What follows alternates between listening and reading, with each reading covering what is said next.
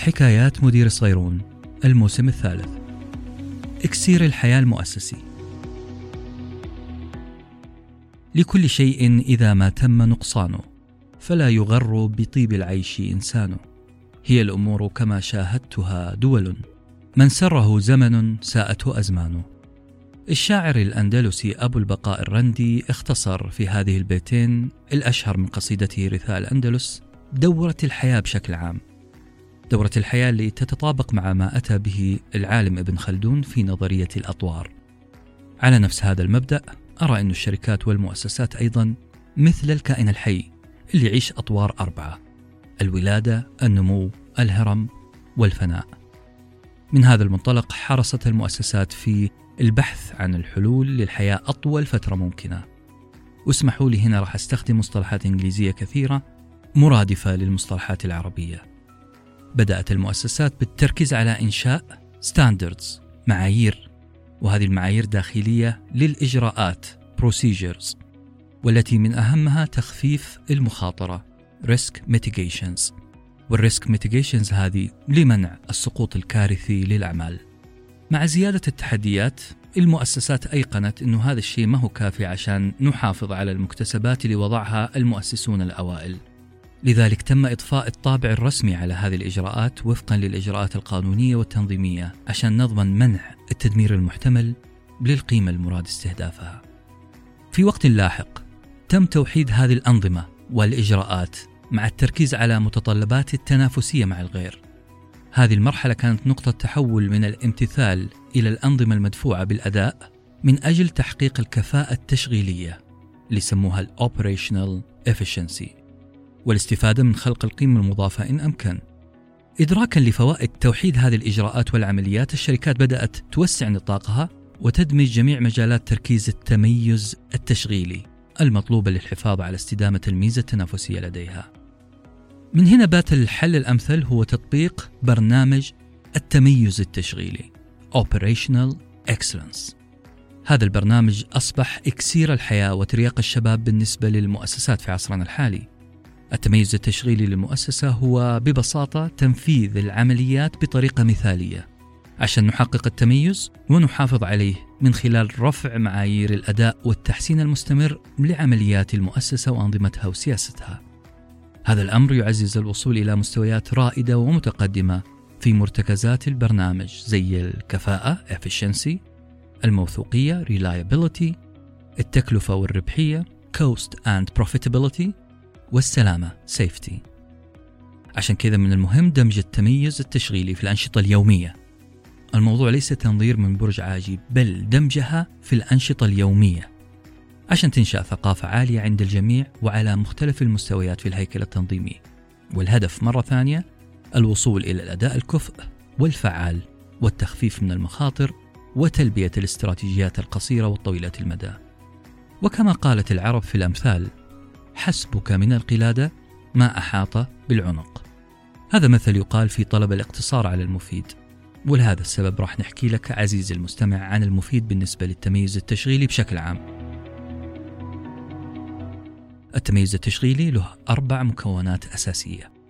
يجب أن تتوافر في أي برنامج تميز تشغيلي مؤسسي ناجح أي موديل وهي كالتالي النموذج موديل التقييم assessment التنفيذ implementation والحوكمة governance. وللتوضيح راح نتكلم عن كل مكون بشوية تفاصيل. المكون الأول اللي هو النموذج. النموذج يعتمد في الأساس على التوازن بين مرتكزاته الأساسية الآنفة الذكر والتي هي الكفاءة efficiency والسلامة safety والموثوقية reliability والتكلفة والربحية cost and profitability. هذه المرتكزات الأربعة يدعمها الكثير من العناصر اللي هي ال enabling elements أو عناصر التمكين. تختلف هذه العناصر من مؤسسة إلى أخرى حسب أهداف التميز المأمول.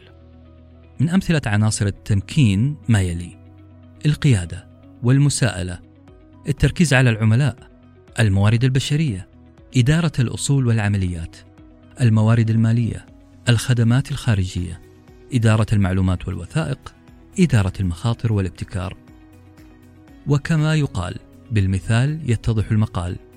لو أخذنا مثلا عنصر الموارد البشرية راح نلاقيه ينطوي على مجموعة من التوقعات.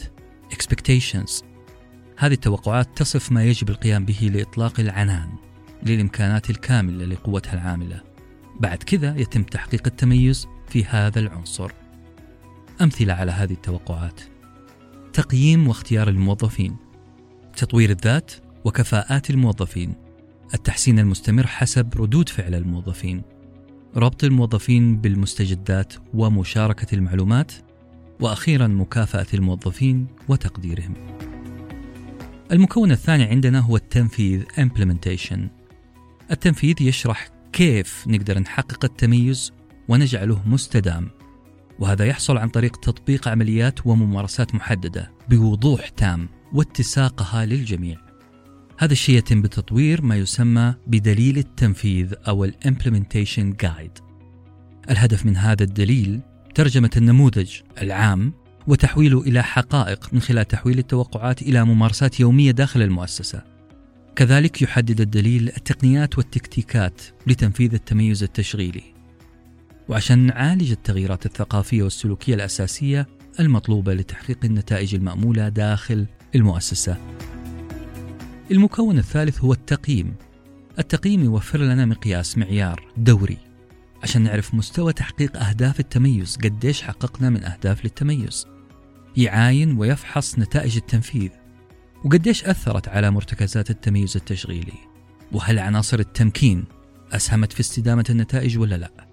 بعض أهداف التقييم المهمة هي توفير مقياس التميز لجميع المستويات. وتحديد امتثال المؤسسات للمتطلبات. تحديد واغتنام فرص التحسين. تعزيز مشاركة أفضل الممارسات داخل المنظمة من خلال تقييم داخلي أو تقييم بين جميع المنظمات من خلال تقييم خارجي. كذلك عمل مقارنة بالمنظمات الأفضل في فئتها داخل المؤسسة والشركات الخارجية الرائدة. وجب التنويه إلى أن التقييم يتم تطبيقه على جميع أقسام المؤسسة التشغيلية والمساندة من خلال تقييم كل عنصر من عناصر التمكين. Enabling Elements ومجالات التركيز Focus Areas. وهذا التقييم يكون على درجة من صفر إلى أربعة. المكون الرابع الحوكمة. هدف الحوكمة إضفاء الطابع المؤسسي على البرنامج والتأكد أنه مستدام ولجعله جزءا من ثقافة المؤسسة ودائم الخضرة كما يقال evergreen. وبالإضافة إلى توفير التدريب والدعم من داخل المؤسسة للاعتماد على نفسها في تنفيذ البرنامج عشان كذا وجب التنويه إلى تأسيس مكتب أو إدارة التميز التشغيلي عشان يكون هو المسؤول عن تطوير النظام وتنفيذه وتقييمه لأقسام المؤسسة بأكملها. أصدقائي الحديث يطول، لكن اللي تكلمنا عنه بصراحة بشكل عام هو شيء عام عن التميز التشغيلي. وعشان نحصل على مراجع عن هذا الموضوع من الممكن الاستعانة بكتاب جون ميتشل بعنوان Operational Excellence Journey to Creating Sustainable Value. الكتاب هذا خارطة طريق واضحة وإرشادات مفصلة عشان تكتسب التميز التشغيلي. وكذلك يوفر لك معلومات تفصيلية عن الأسس والأدوات الضرورية للمؤسسة عشان تحقق هذا التميز التشغيلي في ثقافتها التنظيمية. وزي ما قلنا مرة واثنين وثلاثة الهدف الحصول على أقصى قدر من النتائج والفوائد والقيمة المضافة. في الختام نقول التميز التشغيلي صار شيء ضروري للمؤسسات عشان تواكب التطور السريع الحثيث اللي نعيشه. إحنا نعيش في عصر الثورة الصناعية الرابعة. لازم نتعامل بطريقة مثلى مع التحديات اللي أفرزتها الجائحة. وناخذ العبرة بما حدث لكبرى الشركات. اللي ما استطاعت تساير ركب المتغيرات السريعة من حولها. وهذا الشيء أدى إلى فنائها زي شركة بولارويد ونوكيا. كان معكم نصا محمد النفاعي صوتا أنس بن حسين في بودكاست شعاره من الرأس إلى البودكاست. في أمان الله.